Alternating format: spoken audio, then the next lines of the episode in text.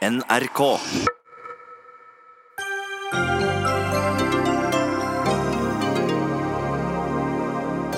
Nav-skandalen er et utslag av mistillitshysteri, mener Mimir Kristjansson. Rødt-politikeren hevder at etaten tar utgangspunkt i at alle er ute etter å svindle dem. Klimagassutslippene skal ned på alle områder, men i forsvarssektoren kommer de til å øke. Er forsvarsevne viktigere enn klima? Takk, Tore Sagen, sier Shabana Rehman etter rasismesatire i programmet Radioresepsjonen. Rasisme er ikke humor, svarer samfunnsdebattant. Og Knut Arild Hareide kritiserer Erna Solbergs innblanding i KrFs retningsvalg. Hareides nederlag skyldtes dårlig lederskap, slår politisk redaktør Frøy Gudbrandsen fast.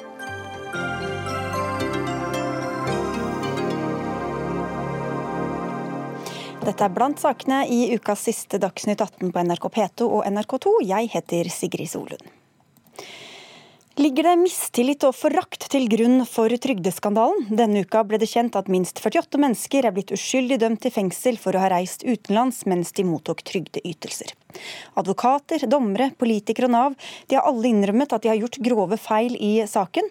Men er det bare slik at man har anvendt loven feil, eller ligger det andre holdninger bak? Mimir Kristiansson, du er kommunestyrerepresentant for Rødt i Stavanger og har skrevet bok om norsk trygdesystem med utgangspunkt i din egen mors historie. Og du sier til Klassekampen at skandalen er et eksempel på mistillitshysteri i Nav. Hva mener du med det? Jeg opplever at eh, det ligger en grunnleggende mistillit eh, i det norske trygdesystemet mot de som kommer til velferdsstaten for å be om hjelp.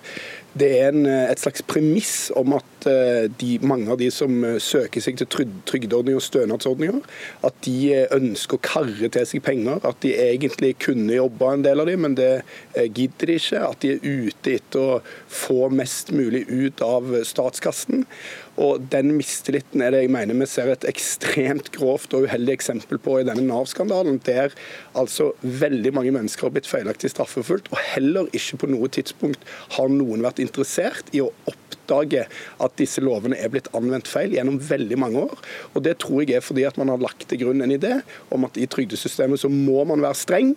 Man må ikke eh, åpne døra på gløtt for trygdesvindel, for hvis man gjør det, da vil det komme massevis av folk og svindle på trygd. Og den mistenkeliggjøringen av syke, uføre og sårbare mennesker, den tror jeg veldig mange i Nav-systemet føler på, og det tror jeg er et resultat av en villa eh, politisk kultur, der man har vært mer bekymra for statens finanser enn for hensynet til mennesker som trenger velferdsstatens hjelp. Ja, Heidi Nurb Lunde, du sitter på Stortinget for Høyre i arbeids- og sosialkomiteen. Hva, hvordan ser du på denne sammenhengen mellom en eventuelt mistenkeliggjøring eh, og den skandalen som vi nå er vitne til? Ja, nå har jeg selv både vært eh, arbeidsledig og permittert, og jeg opplevde at de kravene jeg fikk fra Nav var helt legitime og greie å forholde meg til. Og så må vi huske på at Norge er en av verdens mest omfattende velferdssystemer med relativt rause eh, velferdsytelser. Og skal vi evne å ta vare på de som trenger det mest, så må vi slutte å, eh, snakke om krav og oppfølging som mistenkeliggjøring. Um, til tross for altså, det, det, tragiske vi ser nå med feilaktige dommer, så må vi kunne diskutere de innretningene vi har, uten at det stemples som usosialt. Så jeg mener at Mimir Kristiansson her tar feil. Men i disse dommene så framgår det også at dommerne i Trygderetten har lagt vekt på allmennpreventive hensyn når de da har dømt. Med andre ord så har de eh, lagt vekt på at dette skal virke avskrekkende, at ingen skal prøve seg på trygdemisbruk eller svindel. Så hvorfor tror du ikke at dette kan ha noe å si for hvordan også enkeltmennesker blir behandlet i systemet? Ja, nå ser det ut til at de har lagt Trygderetten eh, til grunn, der hvor man har hatt EØS-regler oppå som, eh, som, tilsier at eh, det er jo feilaktige dommer. Det er jo det vi skal gå gjennom og skal korrigeres opp gjennom. Så blir det jo litt rart å sitte her i dag og snakke opp tillit til systemet når det har vært en så grunnleggende brudd på tilliten som de siste årene som vi ser nå. Men det handler jo faktisk om det. Nettopp grunnleggende tillit og legitimitet til det velferdssystemet som vi ønsker å bevare, og som vi også ønsker at de svakeste blant oss skal ha også i framtida. Og da må vi stille noen krav til noen av de innretningene som eh, vi har, når vi som brukere kommer og, og fremmer våre krav overfor eh, for Nav. Men jeg mener eh, at Kristiansson tar feil når han eh, eh, sier at det ligger en grunnleggende mistenkeliggjøring av alle som kommer til Nav. Det mener jeg er helt feil. Går, eh, Nav håndterer hver eneste dag over 2,1 millioner nordmenn, og deres krav og ytelser de har kanskje en av de fineste, fineste fineste, ja, fineste målsetningen i hele verden, nemlig å bedre levevilkårene for de vanskeligstilte og fremme overgang til arbeid og sosial inkludering. Dette gjør de hver eneste dag, men så skjer det feil, og det må vi rette opp. Ja, hvordan kan du konkludere med mistillit bare ut fra noens feilvurderinger her, Kristiansand? Det er fordi at eh, denne saken, selv om den er på en måte helt enestående i at den er så grov, altså 36 mennesker dømt til fengsel på feilaktig grunnlag, så er det altså ikke den eneste saken vi har sett i Norge de siste årene der det fra politisk hold, og jeg vil understreke at når jeg mener mistillit i trygdesystemet, så mener jeg at det er noe som i stor grad kommer fra politisk hold, og ikke fra de saksbehandlerne som er i Nav, som jeg mener gjør en veldig god jobb. Men det, vi ser eksempel på eksempel på at trygda mennesker blir eh, mistenkeliggjort. Man snakker om eh, ministre for både Arbeiderpartiet fra Høyre og Frp har snakket om at eh, folk må stå opp om morgenen eh, når de er på en måte arbeidsløse, som om problemet var at folk ikke orker å stå opp når de ikke har jobb. Eh, man snakker om navere, som det er et verb. Det er en stigmatiserende begrep som går utover alle de 340 000 som er uføretrygda. De aller fleste er ganske syke mennesker. Man har Nav-leger, trygdeleger, som overstyrer fastlegene i konkrete saker. Man har eksempler eksempler på ofre fra terroren på Utøya som ikke har blitt trodd på at de har posttraumatisk stress i Nav-systemet. Du har en lang rekke med sånne eksempler. Nylig var det kutt i arbeidsavklaringspenger til unge, der Heidi Nobel Lunde sjøl i Dagsnytt 18-studio hadde uttalelser om at mange av disse ikke var så alvorlig syke. Sånn at det ligger hele veien den type mistenkeliggjøring. Og jeg vil bare si, jeg er helt enig med Heidi Nobel Lunde at det skal stilles krav til folk som kommer til trygdesystemet. Men vi befinner oss da virkelig ikke i en situasjon der eh, det stilles eh, for eh, få krav. Tvert imot så er det en enorm dokumentasjon som ligger til grunn. og Jeg vil bare sammenligne dette med det norske skattesystemet, som òg er et offentlig system der det svindles for vesentlig mange ganger mer penger enn det gjør i det norske trygdesystemet. Likevel er skattesystemet vårt tillitsbasert, mens trygdesystemet vårt er mistillitsbasert. Og det er en grov urettferdighet. Vi kan jo ta det første først her, Lunde. fordi Du er jo ofte her og snakker om disse sakene. og Da er det jo som regel ikke debatt om hvorvidt eh, de som går på Nav får gode nok, eh, god nok hjelp, men det er, vel, det er ofte snakk om innstramminger eller muligheten for misbruk osv. osv. Nei, altså når vi, eh, når Kristiansson her snakker om enorm dokumentasjon, så har vi jo ofte god dokumentasjon på ordninger og ytelser som enten har gått forbi sin tid, eller ikke fungerer etter hensikten. Et eksempel på det var jo nettopp arbeidsavklaringspenger, som av forskere blir omtalt som et rullebånd ut av arbeidslivet. Og Når vi får den type dokumentasjon, så er det jo vårt ansvar å gjøre noe med dem. Og Det handler jo ikke om mistillit til de som mottar, det handler jo om nettopp innretningen av den, eh, den velferdsstaten og velferdssystemen vi har at de skal fungere. Vi skal målrette dem for å hjelpe folk ut i arbeid eller aktivitet. Eventuelt at de skal få den uføretrygden og inntektssikringen de har krav på. Det ble nevnt eh, statsråder fra mange forskjellige partier her. I Klassekampen mener tidligere nestleder i SV Snorre Valen å kunne spore en eventuell sånn mistillit da, tilbake til Gro Harlem Brundtland og arbeidslinja. Og Rigmor Aasrud, du sitter på Stortinget for Arbeiderpartiet, og du satt i regjering da denne nye trygdeforordningen kom i 2012 som, fra, fra EU. Altså. Så hvilke politiske signaler kan dere ha gitt som gjorde at kanskje Nav og rettssystemet ikke tok inn over seg disse nye reglene? Ja, jeg vil understreke at i Norge så dømmes folk på, basert på de lova vi har. Og politiske ønsker og vurderinger kan aldri stå over, norsk, stå over norsk lov. Og det må være helt grunnleggende i en rettsstat som Norge. Så Derfor så er det jo helt uh, altså, Vi finner jo nesten ikke ord for det som har skjedd, at så mange uskyldige da har blitt dømt. Eh, for noe de ikke skulle være dømt for. Og Jeg er enig med Mimir Kristiansson at det er et tankekors at dette gjelder ofte svake grupper, de som ikke har mest med ressurser, som kanskje kan komme seg ut av dette med en god advokat. og Det er virkelig et tankekors i rettsstaten for Norge. Så mener jeg jo at det er viktig at vi stiller krav til de som er inne i på arbeidsavklaringspenger eh, f.eks. Men det som jeg mener er en svakhet i det systemet vi har nå, det er at det ikke fungerer sånn at folk får oppfølging løpende. Folk blir gående og vente, eh, får ikke tilbudene sine, de må vente lenge på å få vedtak. Og det er jo ikke bra hvis vi skal ha et Nav-system som fungerer. og Da tror vi det trengs mer ressurser for å få til det. Ok, men, men spørsmålet gjaldt egentlig, fordi Vi vet jo at underliggende etater ofte er veldig ivrige etter å tilfredsstille et, ut fra hva de får av politiske signaler. Kan det ha vært at, at dere og andre har gitt signaler som har gjort at Nav og andre har tolket reglene feil, rett og slett? Jeg bare understreker det at det er mange forskjellige politiske ønsker, vurderinger i Norge, men det kan ikke være sånn, og det tror jeg heller ikke er eh, sånn som forvaltninga virker, at man tar politiske ønsker og ikke forholder seg til det lovverket. Det, det vil jeg ikke tro. Eh, det er iallfall helt grunnleggende. Så har det jo vært enighet på Stortinget i, i, i f.eks. spørsmålet om trygdeeksport, at vi skal prøve å innskrenke det. Det har vært saker i Stortinget, eh, men det, da må vi jo bygge de reglene vi lager på det lovverket som, som, kommer. og Her mener jeg vi har flere ganger hatt veldig merkelige saker, senest den trygdeeksportmeldinga som gikk nå for ikke så lenge siden, der man ikke klargjør lovgrunnlaget godt nok. og Det, det er et ansvar som Stortinget, regjeringa, må ta. Men det, Jeg vil tilbake til deg, Kristiansson, og til dette du sier om at det er disse politiske signalene. Hvordan belegger du det egentlig, at det er det som har påvirket Nav og andre i dette tilfellet? I denne saken har jo alt gått feil. Når Rigmor Aasrud sier at eh, i Norge så er det loven som gjelder, så er det nettopp det som ikke er tilfellet her. da. Her har man jo tvert imot dømt folk stikk i strid med hva som er loven. og Det er mange feil som er blitt gjort.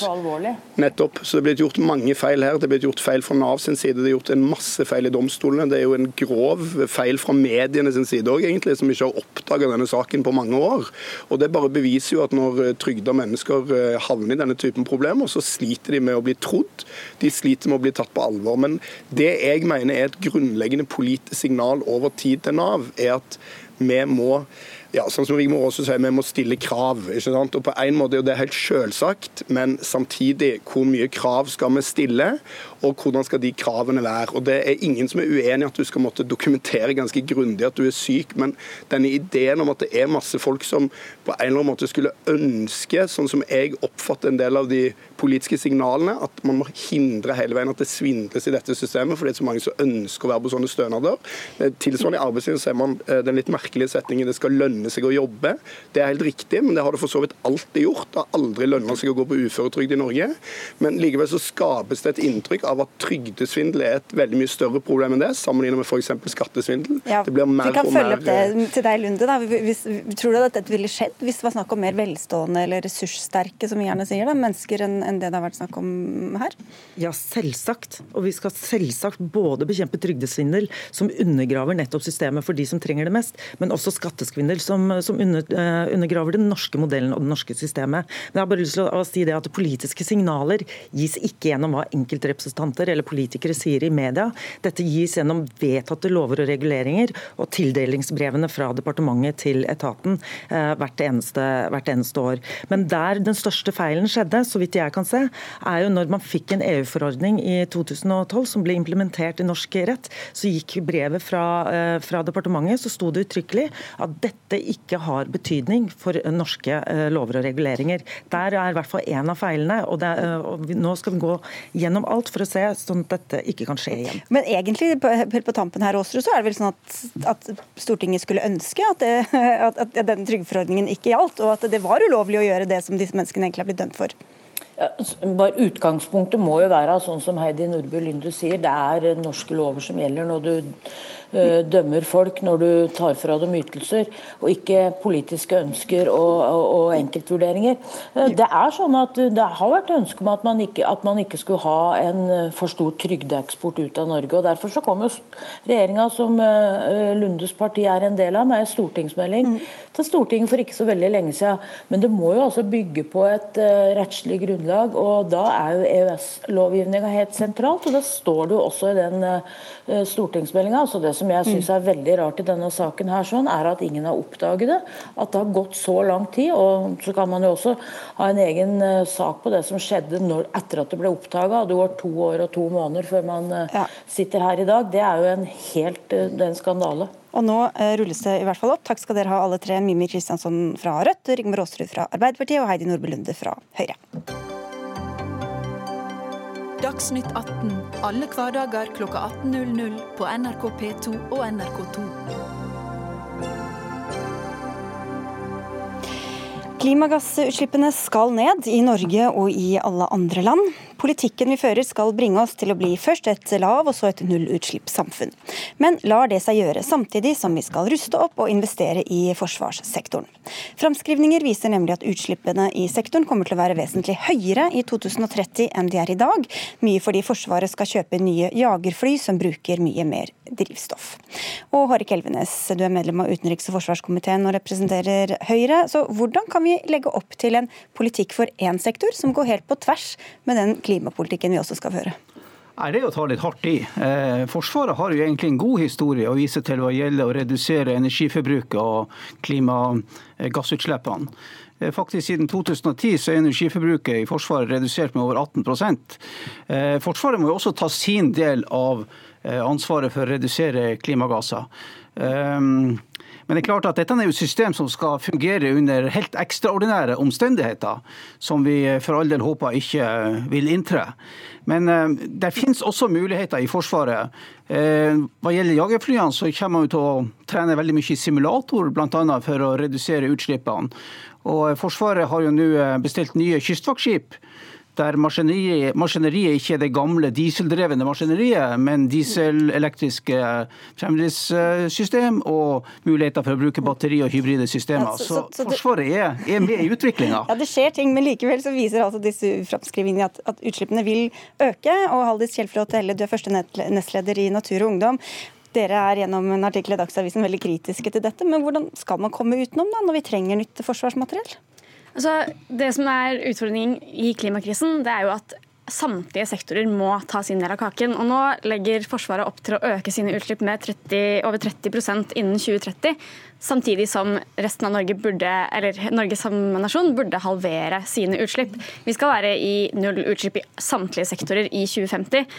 Og da er det jo en eh, altså hva slags investeringer skal man gjøre nå når man ser at klimakrisa blir stadig mer akutt? Eh, skal man satse på fly som øker utslippene med 207% innen 2030, eller skal man se om man klarer å investere i en teknologi som også eh, er med på framtida. Men dette er jo kontrakter som er inngått, eh, og de flyene som de har kommet fram til at er de beste. Skal man gå med på noe, kjøpe noe annet, eller hva, hva, hva vil dere egentlig? Nei, altså Vi vil jo at Forsvaret skal ta sin del av klimainnsatsen. Det er ikke sånn at de kan slippe unna dugnaden, sånn som man har lagt opp til i mange klimaavtaler framover. Klima, eh, forsvaret har ingen tydelig klimaplan, og det er bekymringsverdig når vi går mot 2030 og 2050. og Norges utslipp burde reduseres mye mye raskere enn det de gjør i dag. Og så vet vi at Klimaendringene også er en betydelig sikkerhetsrisiko globalt. Det kan føre til mer krig, mer konflikt. Så hvordan skal vi ha et forsvar som bidrar til å gjøre verden mer usikker? Nei, altså Forsvaret skal jo bidra til faktisk å gjøre verden mer sikker. Og det har jo Forsvaret og Nato bevisst i løpet av 70 år, der man har vunnet freden. Eh, og beholdt stabilitet og utvikling i Europa. Men vi må ha litt sånn edruelig forhold til hva situasjonen egentlig er. Altså Forsvaret står for 1% av klimautslippene totalt sett av det som slippes ut i Norge. Og faktisk har Forsvaret redusert sine klimautslipp med 40% siden 1989. Og Forsvaret har, Forsvaret har ligget i front hva gjelder å ta i bruk miljøvennlig teknologi og implementere miljøtankegangen, bl.a. gjennom miljøoffiserer og en offensiv klimaplan. Men det er klart det er en målkonflikt i dette også. Forsvaret er jo et system som skal fungere eh, under helt ekstraordinære forhold, som jeg sa i sted. Og vi har ennå ikke fly som går med solpanel eller uten eh, forurensende drivstoff. Så det må vi jo eh, akseptere som en del av nasjonens forsikring. Vi skal ta inn til deg, Øyvind Woie. Du er forskningsleder ved Avdeling for totalforsvar ved Forsvarets forskningsinstitutt. og dere har god oversikt over klima- og miljøavtrykket for eh, Forsvaret. 1 eh, ble det sagt her. Hva, hva vet vi om hvor store utslippene faktisk er? Eh, ja, Det stemmer jo det at de er 1% når vi ser på de direkte utslippene. Men hvis man ser på et miljøregnskap i et livssyklusperspektiv, så må det nok dobles Mm. Så omtrent som fly, flytrafikken, sånn i eh, størrelsessammenheng. Mm. Um, men hva slags krav og målsetninger er forsvarssektoren underlagt, både i Norge og internasjonalt? Uh, vi er jo egentlig unntatt en del uh, regelverk, bl.a. når det går på anskaffelser, uh, hvor vi kan ta operative hensyn og prioritere det foran f.eks. For miljøhensyn. Eh, men vi, det står jo i regelverket at vi oppfordres til å ta miljøhensyn. da. Og det blir jo også gjort, til en viss grad. Men jeg, når jeg har sett på hvordan vi driver i sektoren, så er det et potensial for forbedringer. Vi kan godt være enda mer fremoverlent. Ja, Du sier at sektoren lever litt sitt eget liv? Eh, ja, og det er fordi at eh, sektoren har egentlig ikke altså, eh, fått noe krav f.eks. om å redusere CO2-utslipp innen en viss tid, sammenlignet med dagens f.eks. Og har heller ikke påført seg selv slike målsettinger. Da. Fordi da forplikter man seg til noe som kan være politisk vanskelig. Mm. Ja, Elvenes, hvorfor skal forsvarssektoren være fritatt for sånne konkrete mål og forpliktelser? Som jeg sa innledningsvis, så har jo forsvars, forsvarssektoren levert. Men, ja, jeg mener jo ikke at forsvarssektoren skal være unntatt ethvert krav. Eh, men man må ha en langsiktig horisont på dette. Man kjøper ikke nye jagerfly over natta for å få tak i klimavennlige jagerfly og det samme gjelder alle andre våpensystem. Men målene må være eh, kvantifiserbare, de må være etterprøvbare og de må være realistiske, slik at de kan følges opp med tiltak. Eh, Forsvaret har jo en formidabel innkjøpsmakt i kraft av at man kjøper inn for 21 milliarder i løpet av et år, som har direkte klimapåvirkning. Å bruke denne innkjøpsmakta for å fremtvinge mer klimavennlige løsninger, er jo noe som Forsvaret bruker, og antagelig kan bruke mer offensivt enn i dag.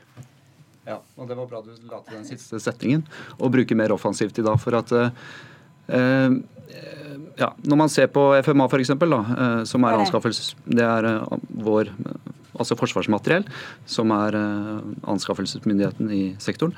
Eh, og de driver jo da anskaffelsesprosjekter. Eh, og der ser jeg et potensial for å utvikle og, og lage veiledende materiell som hjelper prosjektledere til å sette krav til leverandører, underleverandører, på en masse områder. Og, det er et viktig, som du sier, et viktig eh, virkemiddel eh, for å redusere utslippene fra sektoren, i og med at eh, det som jeg sa i stad, i et livssyklusperspektiv så jo, kan vi jo doble utslippene. Mm. For det, det, har vært litt vanskelig, Vi har prøvd i mange uker å få til denne saken, og det har vært vanskelig å finne noen som kan mye om det, eller som er opptatt av det. og Hva slags holdninger har du inntrykk av at kan prege synet på liksom, miljø- og klimaarbeid innen, innen forsvarssektoren? Det er jo øh, dette med at øh, Forsvaret er jo egentlig eh, laget for et, i beredskap i tilfelle krig. Og krigshandlinger kan jo ikke ses på som særlig miljøvennlige. Og jeg tror folk glemmer at mesteparten av Forsvarets aktivitet foregår i fredstid. Da. Og Eh, da har vi jo en god mulighet eh, til å, å være miljøvennlige. ja, Elvenes, det virker som om det er behov, eller i hvert fall noen ønsker seg litt, litt strengere krav og retningslinjer? Jeg tror man må ha en sånn uh, alle, alle tiltak virker, alle monner drar i denne sammenhengen. For det er jo et faktum at det er jo 85% av klimautslippene de kommer jo fra fly og fartøy. Men det er også Eh, effekter å hente f.eks. gjennom en mer energiøkonomisk drift av leirene rundt omkring. La meg ta et eksempel. Det første passivhuset som ble bygd i Nord-Norge, var jo det nye ledelsesbygget for Hæren på Bardufoss. Og man har bygd et tilsvarende bygg på Håkonsvern i, i, i Bergen og man har skifta ut så godt som alle oljefyrene. Og Dette er med å telle i det store regnskapet, men man kjøper jo ikke nye jagerfly i morgen for å få tak i noe som er klimanøytralt, for det finnes jo faktisk ikke. Så dette er et langsiktig prosjekt som må ses inn i langtidsplanen eh, for Forsvaret, som kommer en ny plan ut til våren. Vi skal få inn en fjerdeperson her, Ingeborg Breines. Du har lang fartstid i fredsbevegelsen, bl.a. i Kvinneligaen for fred og frihet, International Peace Bureau, UNESCO, Forum for miljø og utvikling osv. osv. Eh, og, dere, og du har forsøkt å sette dette på agendaen eh, i mange år. Hvordan har interessen vært, eh, vil du si? utenom fredsbevegelsen så har interessen vært rimelig laber. Så det har primært vært International Peace Bureau og Kvinneligaen for fred og frihet som har fremma disse spørsmålene. Og vi har ikke nok data, men de dataene som vi har, er alarmerende. F.eks. For eh, amerikansk eh, forsvar ville, hvis det hadde vært et land, vært den 50. største forurenser.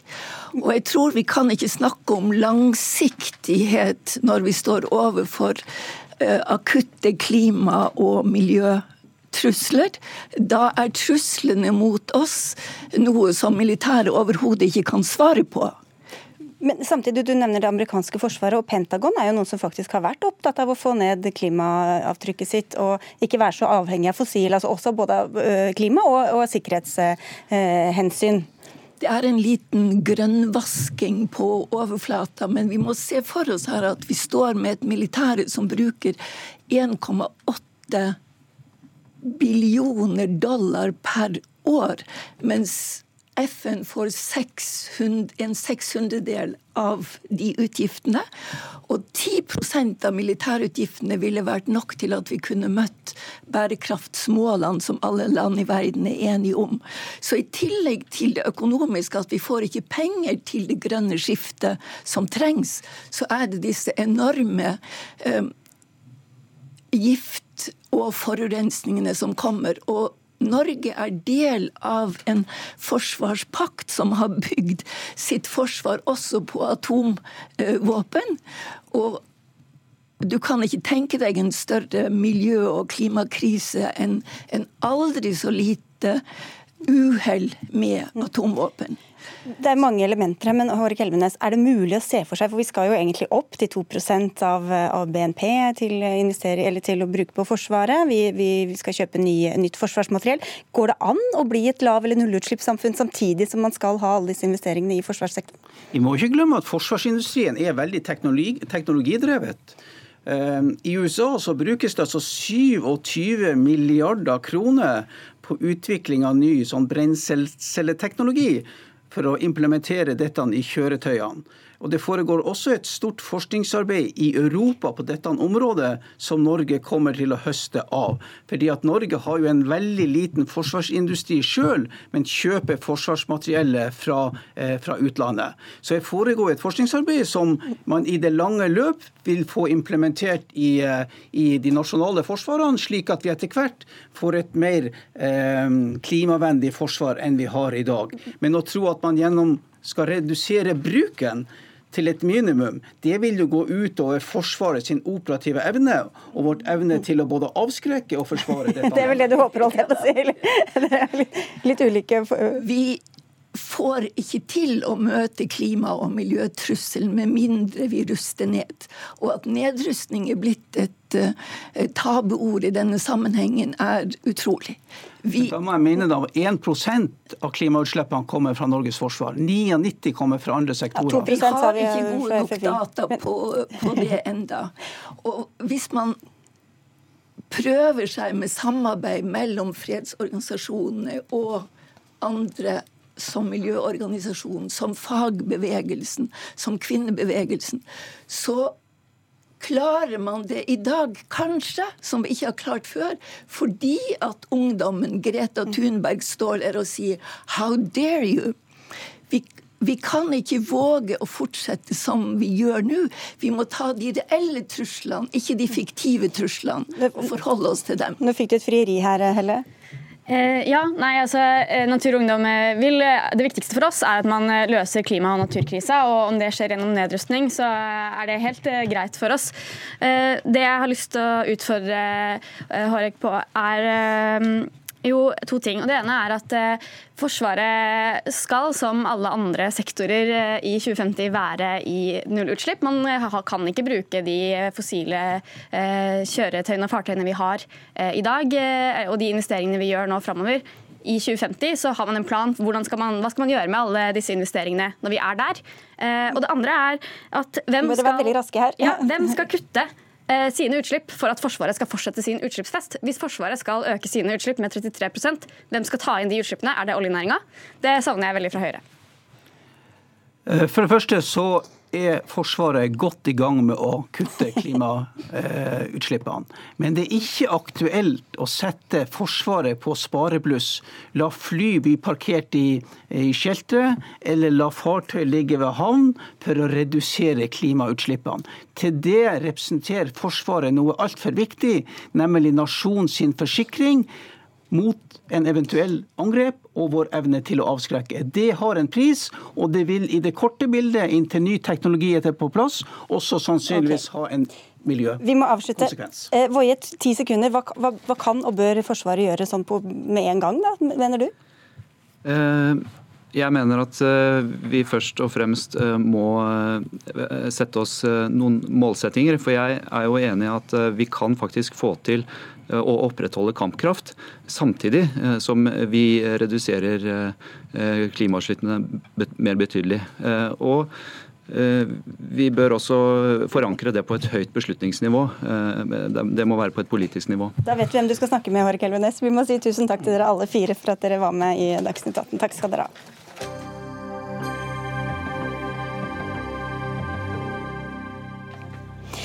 I dag tidlig kritiserte Knut Arild Hareide Erna Solberg i Politisk kvarter for hennes innblanding i KrFs veivalg i fjor. Om litt skal han få utdype her i Dagsnytt 18. Men først til programmet Radioresepsjonen, som har vært i hardt vær etter at programleder Tore Sagen leste opp et rasistisk notat i et innslag. Innslaget var en del av en spalte hvor målet er å gjøre de andre program, pro, programlederne flaue. NRK fjernet innslaget i går fordi de syntes det var leit at så mange ble lei seg, og sier at innslaget egentlig var ment som et kraftig angrep på klimaskeptikere og rasister. Sagen brukte bl.a. ordet neger en rekke ganger, og han snakket nedsettende om kriminalitet, utseende og intelligens, og det hele avsluttet med en etterligning av apelyder. Samfunnsdebattant Nassaran Marie Kovkabi, du var en av de første til å reagere og skrev en kronikk i, i VG. Hva var det du reagerte sånn på? Eh, jeg ble jo egentlig gjort oppmerksom eh, på dette ja, jeg tror det var samme dagen som dette kom ut. Og da tenkte jeg sånn, dette klarer jeg ikke å forholde meg til, fordi jeg hørte litt hva de hadde sagt. Jeg hørte på den dagen etter, og jeg ble først og fremst fysisk kvalm. Eh, fordi dette her er så drøyt, og det kom ikke frem for meg at dette her er humor i det hele tatt. Spesielt ikke når man da sitter der i forkant av disse utsagnene og sier at nei, dette her mener jeg, dette her er meningene mine, og dette her er ekte.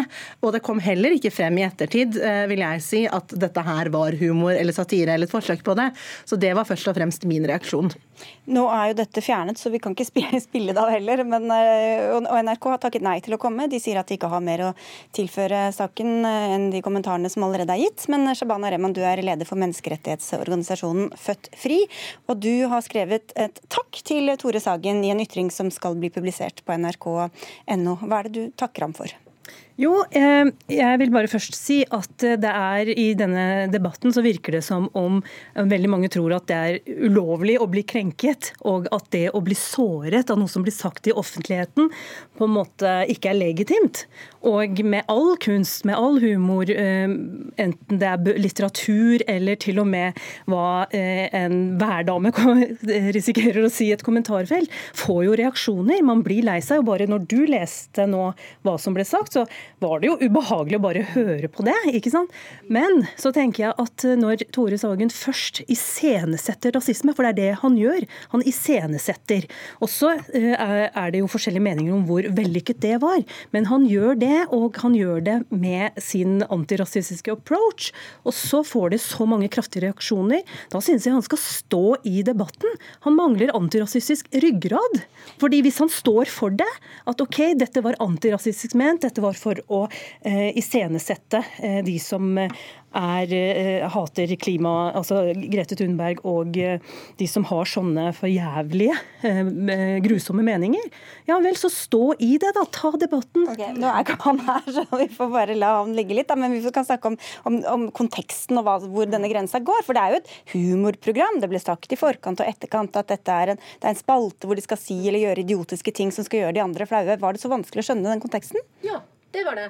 Eh, jeg tenker det at eh, jeg har blitt tatt veldig på at ja, du har tatt dette her ut av konteksten og du, du drar dette her ut av proporsjoner. Men jeg tenker, se for deg at jeg kjører bil med mine to barn og jeg skrur på radioen. Det er ikke noe som heter kontekst da. Hvis mine barn, som da f.eks.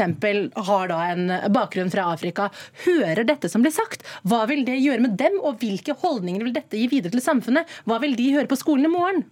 Det er jo veldig mange som har engasjert seg på mange forskjellige sider her. Marta Tveit, du er skribent og medredaktør i nettmagasinet afrika.no, som drives av Fellesrådet for Afrika, og er halvt afrikansk og halvt norsk. Hvordan opplevde du dette innslaget?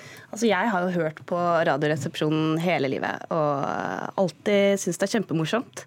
Eh, til forskjell fra Guro Sibeko, som skrev et veldig sånn Eh, at hun er en gammel kjerring og liker ikke syns ikke det er morsomt uansett. Men jeg har alltid elsket det. Jeg fikk en melding fra Bjarte en gang da jeg var 15. Da var jeg glad i en uke.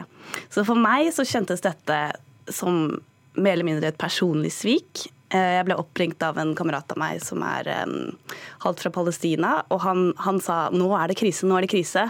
Nå har de gått over. Plutselig er det også dem. Plutselig er vi ikke med lenger i den humoren. Plutselig er de mot oss. Den grensen, den annerledesheten, har blitt skapt.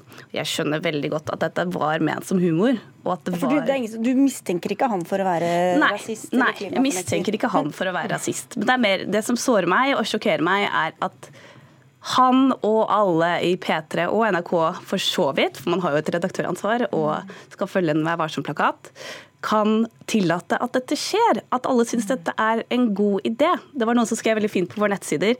Jeg, eh, Tore Sagen skal vise oss at det er teit å være rasist ved å være rasistisk. Jeg kan gjøre det samme. Jeg kan vise at det er farlig å kjøre i fylla ved å drikke en liter vodka og sette meg bak rattet. Mm.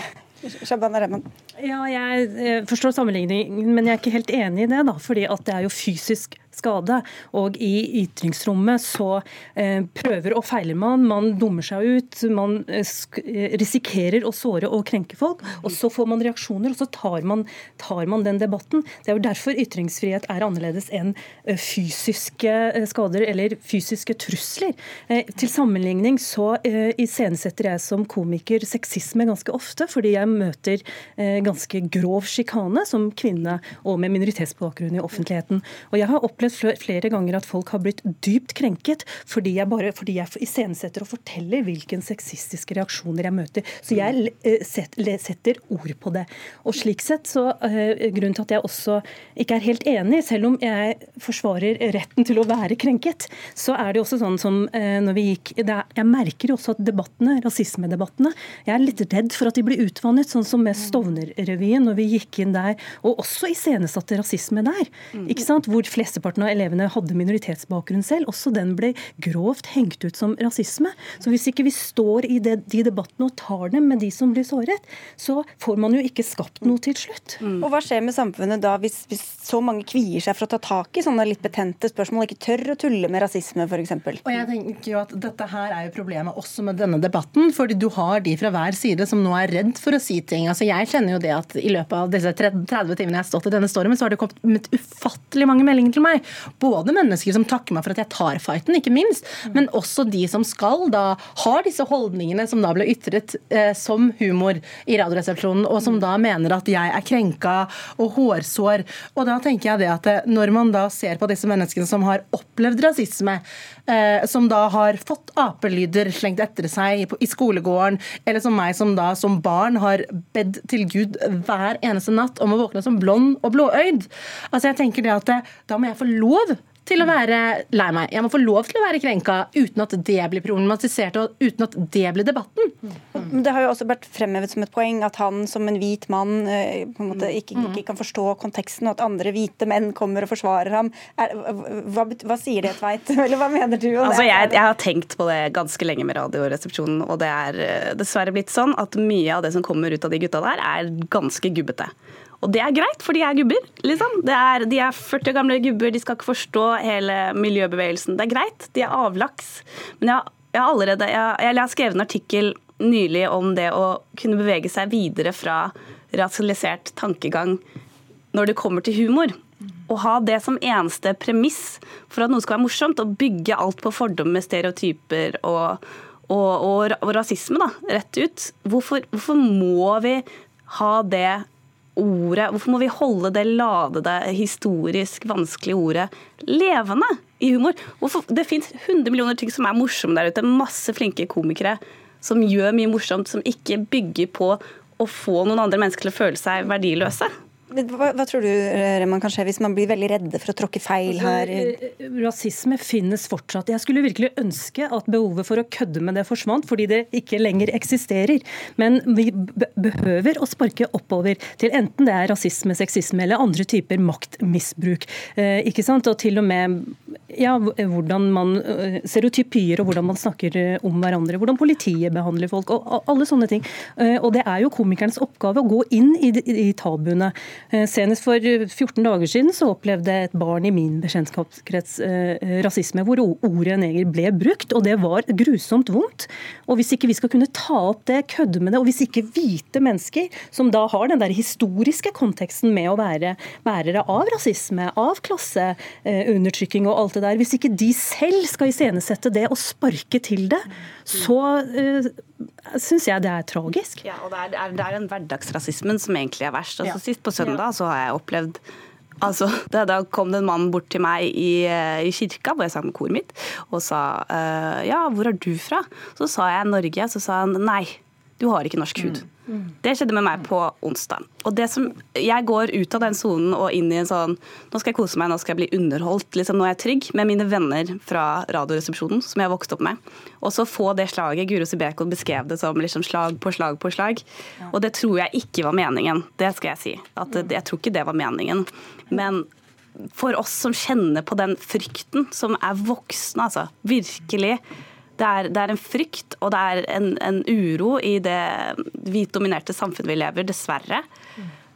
Så er ikke det Hvis man skal gjøre det, hvis man skal dra den dit, så må man tenke veldig nøye gjennom det. Og jeg tenker at Det er jo problematisk når mennesker som har bodd og levd og er oppvokst i Norge, begynner å føle seg mer ekskludert enn inkludert. Da må vi nesten takke av dere der, og bare gjenta at NRK ikke hadde mm, mulighet til å være med. Men tusen takk skal dere ha, Shabana Rehman, Nastaran Marie Kokabi og Marta Tveit.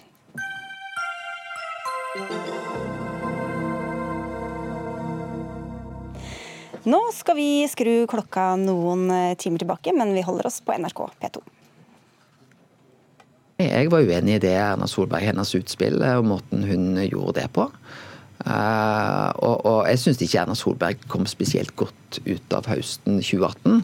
Både med å anklage prosessen, som var meget åpen, helt ærlig og meget demokratisk.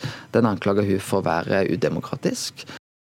Ja, Det sa tidligere leder i Kristelig Folkeparti Knut Arild Hareide til Politisk kvarter i dag, hvor han også utdypet hvorfor han ikke tar gjenvalg til Stortinget. Når du er tilbake i samme studio, i samme antrekk, eh, Dagsnytt 18, Knut Arild Hareide.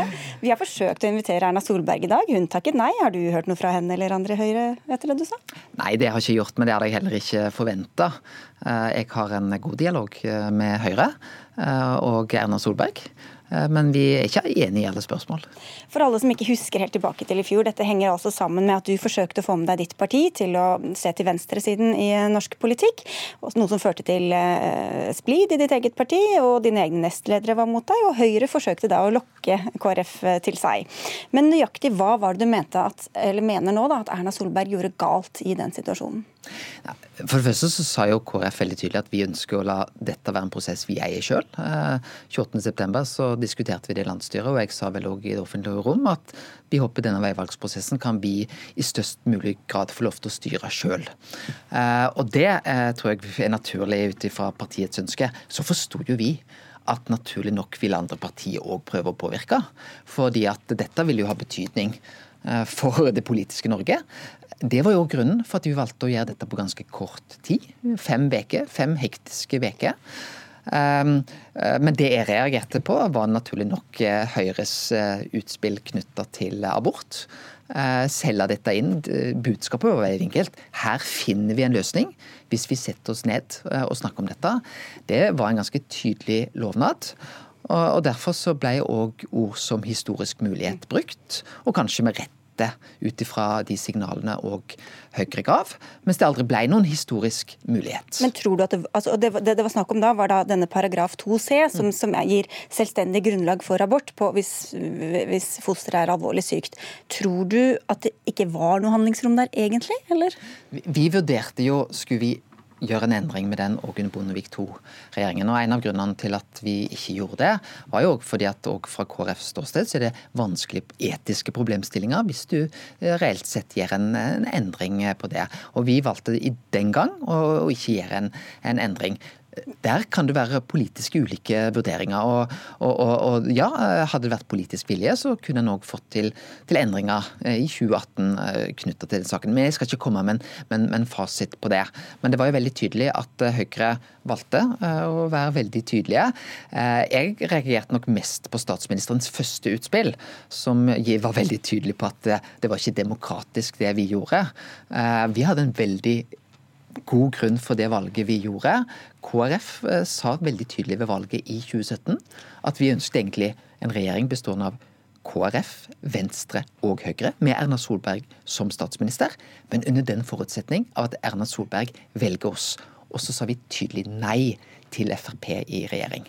Og skulle vi da egentlig komme i regjering med det valget Erna gjorde, med at hun valgte Frp, så sto egentlig bare ett alternativ tydelig for oss. Og det var det alternativet som jeg pekte på, eh, med KrF, Senterpartiet og Arbeiderpartiet. Men ja, grunnen til at, dette, at, vi snakker om dette nå, er jo i tillegg til at du da uh, sier at du ikke tar renominasjon til Stortinget, er at din tidligere rådgiver har gitt ut en bok om hva som skjedde i uh, disse dagene. Uh, og deres virkelighetsbeskrivelse er jo ganske over, overlappende. Men Frø Gudbrandsen, du er politisk redaktør i Bergens Tidende. Hvor treffende mener du at denne virkelighetsbeskrivelsen er?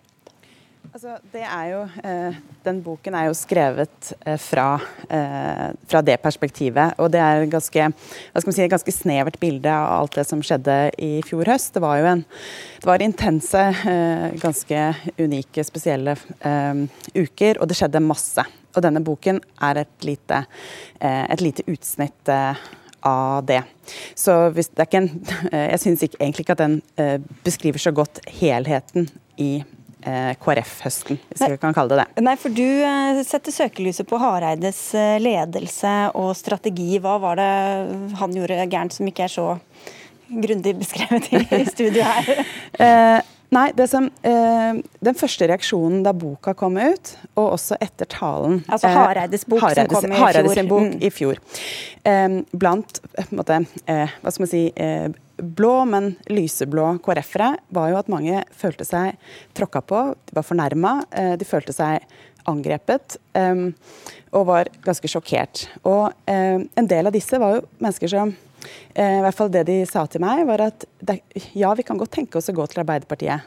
Men eh, ikke på denne måten, og ikke når det skjer eh, Ja, ikke når det begynner på denne måten her. sånn. Så jeg mener at retorikken, måten det ble lagt frem på i både boken og i talen, gjorde at en del eh, ble ganske mye mer, at det ble vanskeligere å overbevise enn det de kunne vært. Nå har du hatt god tid til å tenke på hva som skjedde, Hareide. Hvor god var denne strategien og planen nå sett i ettertid? Jeg tror noe av det som skapte utfordringen høsten 2018, var vanskelig for oss å forutse. fordi jeg tror vi visste ikke helt hvordan landskapet var. Eh, jeg tror både Kjell Ingolf Ropstad og Olaug Bollestad tenkte at de hadde en sterk støtte. Det samme tenkte jeg. Det, altså det var nestlederne veldig... din som ville en annen ja, vei enn ja. det du ville? Mm. Eh, det vi så veldig tydelig, var at partiet var i realiteten delt 50-50. Altså Delegatene til landsmøtet ble jo i realiteten 94-94. Det ville blitt enklere for oss. Og det var kanskje nok òg det forventningen vi hadde, at det ville bli en 60-40 en eller annen vei. Eh, så skapte det en ny dynamikk, nettopp at det ble det 50-50. Og det gjorde jo at det ble mye mer, eh, vil jeg si, på en måte hver minste detalj fikk en oppmerksomhet, og det var medvirkende for det. Så er det også sånn at ja, eh, kunne prosessen vært bedre? Det har jeg svart ærlig. Det kunne den selvfølgelig vært. Men vi valgte å gjøre dette på en veldig åpen, værlig, ærlig og demokratisk måte. Og det i seg sjøl gav en legitimitet til valget, uavhengig av hva men, men, det var ikke bare Erna Solberg som mente det var udemokratisk. Vi hørte KrFU-lederen i, i Dagsnytt 18 i går som kritiserte dette at dere hadde eh, en liten gjeng hvorav de fleste var ansatte i KrF og ikke folkevalgte, hadde sittet og pønsket på dette lang tid før du gikk ut med det? Det var ingen som var nærmere meg enn mine nestledere knytta til dette. Det var, og vi hadde åpne, gode samtaler i partiledelsen om hvilke tiltak vi skulle gjøre, hvordan vi skulle håndtere det. Så er det naturlig nok sånn at når vi da nærmer oss et ståsted, og jeg forteller de åpent og ærlig at jeg vil trekke meg hvis jeg ikke når igjennom. Og det tror jeg òg de hadde forståelse for. Eh, at det var en naturlig konsekvens når jeg legger fram et sånt veivalg. Da velger jeg ikke å være helt åpen og ærlig om mine strategiske vurderinger, fordi jeg ønsket å vinne, på samme måte som jeg har respekt for det. Vi hadde politiske samtaler. Jeg hadde politiske samtaler med både Erna Solberg, Jonas Gahr Støre, Trygve Slagsvold Vedum. Det er jo helt naturlig. Det hadde òg Olaug Bollestad og eh, Kjell Ingolf Ropstad med Erna Solberg. Og den type ting mener jeg var helt uproblematisk. Vi beholdt en god dialog oss imellom, men vi var uenige om veivalget. Og det tror jeg òg er på en måte fasiten etter høsten 2018. At vi har greid å bevare vår menneskelige relasjon, men vi var mer politisk uenige enn det vi egentlig trodde og visste. Og Gudbrandsen, når vi da får, sitter her med denne fasiten som Hareide sier, hva, hva, hva, tror du blir eh, historiens dom over også håndteringen fra, fra Erna Solberg og Høyre, som Hareide har kritisert? Eh, dette var, endte jo som en maktkamp. Eh, og sånn som, sånn som, jeg så det, eh, så var det ganske Det var ikke noe sånn at den ene siden fremsto som noe særlig eh, mye edlere enn den andre. Det var ting som skjedde på begge sider, eh, som jeg tror man kan si var, vil være litt i, i grenselandet, det man sånn sett i ettertid. Eh, men jeg tror at det, ja, abortsaken mobiliserte på blå side. Men likevel, jeg mener at eh, Hareide kunne gjort en god del ting annerledes. Eh, før og underveis, som, eh, som, også spilte ganske stor rolle for at han ikke klarte å få de siste mandatene over. Sånn er, for meg blir det for enkelt å bare si at det, det var abortsaken som gjorde at det blei som det blei. Nå har du to år igjen, da. Hva skal du fylle det med på Stortinget? Jeg skal jo sitte på Stortinget og se fram til det viktige arbeidet der i utenriks- og forsvarskomiteen. Eh, og jeg kommer til å stå på for eh, KrF, eh, men etter 2021 så blir det da i en annen rolle. Takk skal du ha i hvert fall for at du var med i dag. Så får vi se hva jeg skal titulere med deg om to år når du kommer da. Takk skal du ha nå, og takk til deg, Frøy Gudbrandsen i Bergenstidene. Hør Dagsnytt 18 når du vil Radio.nrk.no.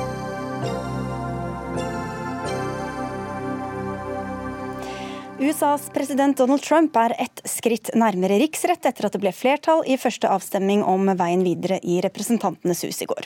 Nå er det klart for flere åpne høringer og en formalisering av selve riksrettsprosessen.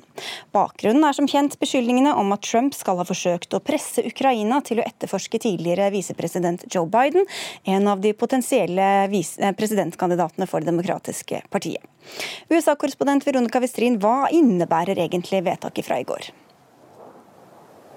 Det er jo selve vedtaket som er en formalisering av prosessen. For hittil så har det ikke vært stemt over eh, hvorvidt man skal ha denne prosessen. Og det har vært en del kritikk fra republikanerne om det. Så nå har man gjort det. Eh, samtidig så har man da eh, tatt saken inn i en ny fase. Eh, hittil så har høringene vært lukket lukka. Nå får man da flere åpne høringer hvor man kan høre direkte fra vitnene. De vil også bli sendt på TV, noen av de, eh, sånn at det amerikanske folket får høre dette. I tillegg så får Donald Trump og hans advokater nå muligheten til å krysseksaminere vitner, og også etter hvert da komme med sitt eh, forsvar. Marius Gustavsson, du er ansvarlig redaktør i nettstidsskriftet liberal.no, og du eh, har skrevet en artikkel hvor du sammenligner hele denne prosessen med en skitten amerikansk såpeopera. Hva er likhetene? Jo, nei, også altså Likhetene er jo eh, En ting er hvordan eh, republikanerne har oppført seg i Kongressen, bl.a. ved å storme et sånt uh, sikret høringsrom og sånn.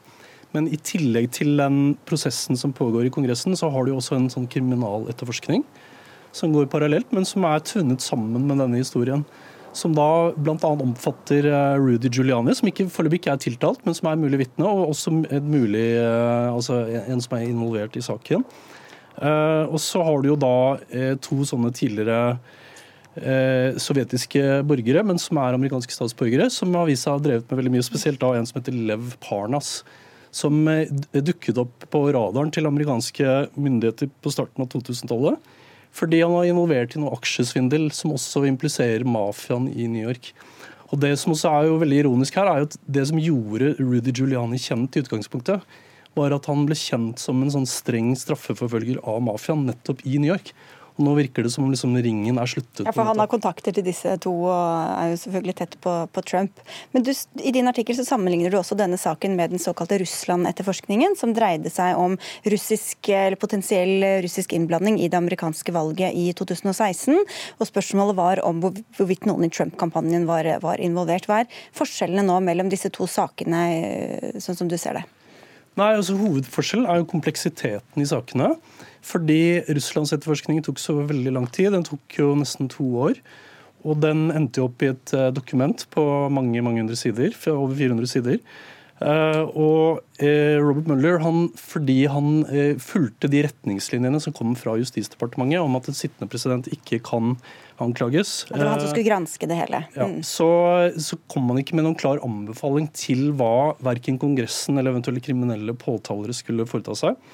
Eh, og Dermed så kokte på en måte hele den uh, rapporten bort i kålen. Og dette skjønte Nancy Pelosi, som er liksom demokratenes leder i Representantenes hus, i Kongressen. Hun skjønte dette veldig godt, fordi hun er en slu ringrev, kan vi kanskje si. Hun, hun, hun så på den politiske kalkylen og så tenkte at dette er, dette er ingen god sak.